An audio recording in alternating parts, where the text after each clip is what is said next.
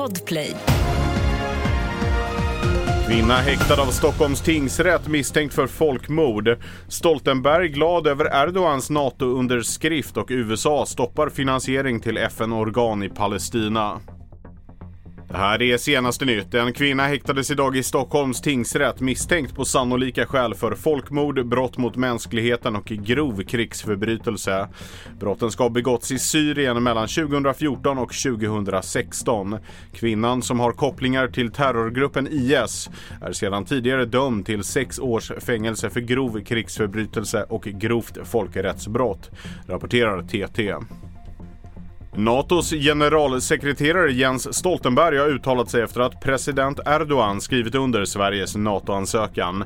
Han säger att han haft ett bra samtal med president Erdogan och välkomnar Turkiets ratificering av Sveriges NATO-medlemskap. I veckan samtalade även Stoltenberg med Ungerns premiärminister Viktor Orbán om Sveriges ansökan. Då skrev generalsekreteraren att han ser fram emot ratificeringen så fort parlamentet sammanträder. USA har valt att stoppa sin finansiering till FNs organ i Palestina, UNRWA, rapporterar AFP.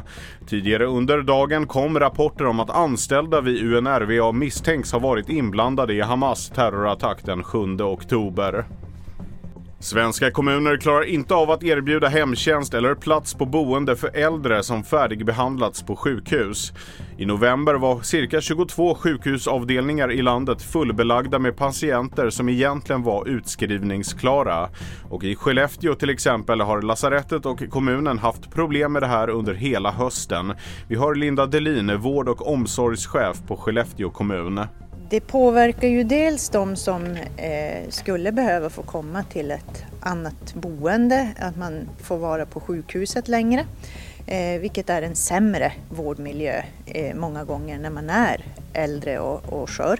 Eh, sen påverkar det ju patienter som, eh, där vi tyvärr är tvungna att skjuta på deras operationer för vi har ingen ledig vårdplats att ta in dem på. Jag heter Felix Bovendal och mer nyheter hittar du på tv4.se och i appen.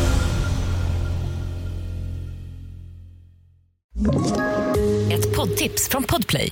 I podden Något Kaiko garanterar östgötarna Brutti och jag, Davva, dig en stor dos skratt.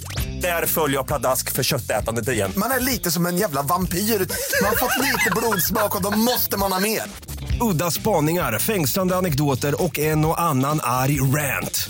Jag måste ha mitt kaffe på morgonen för annars är jag ingen trevlig människa. Då är du ingen trevlig människa, punkt. Något Kaiko, hör du på Podplay. Därför arkadeinerna.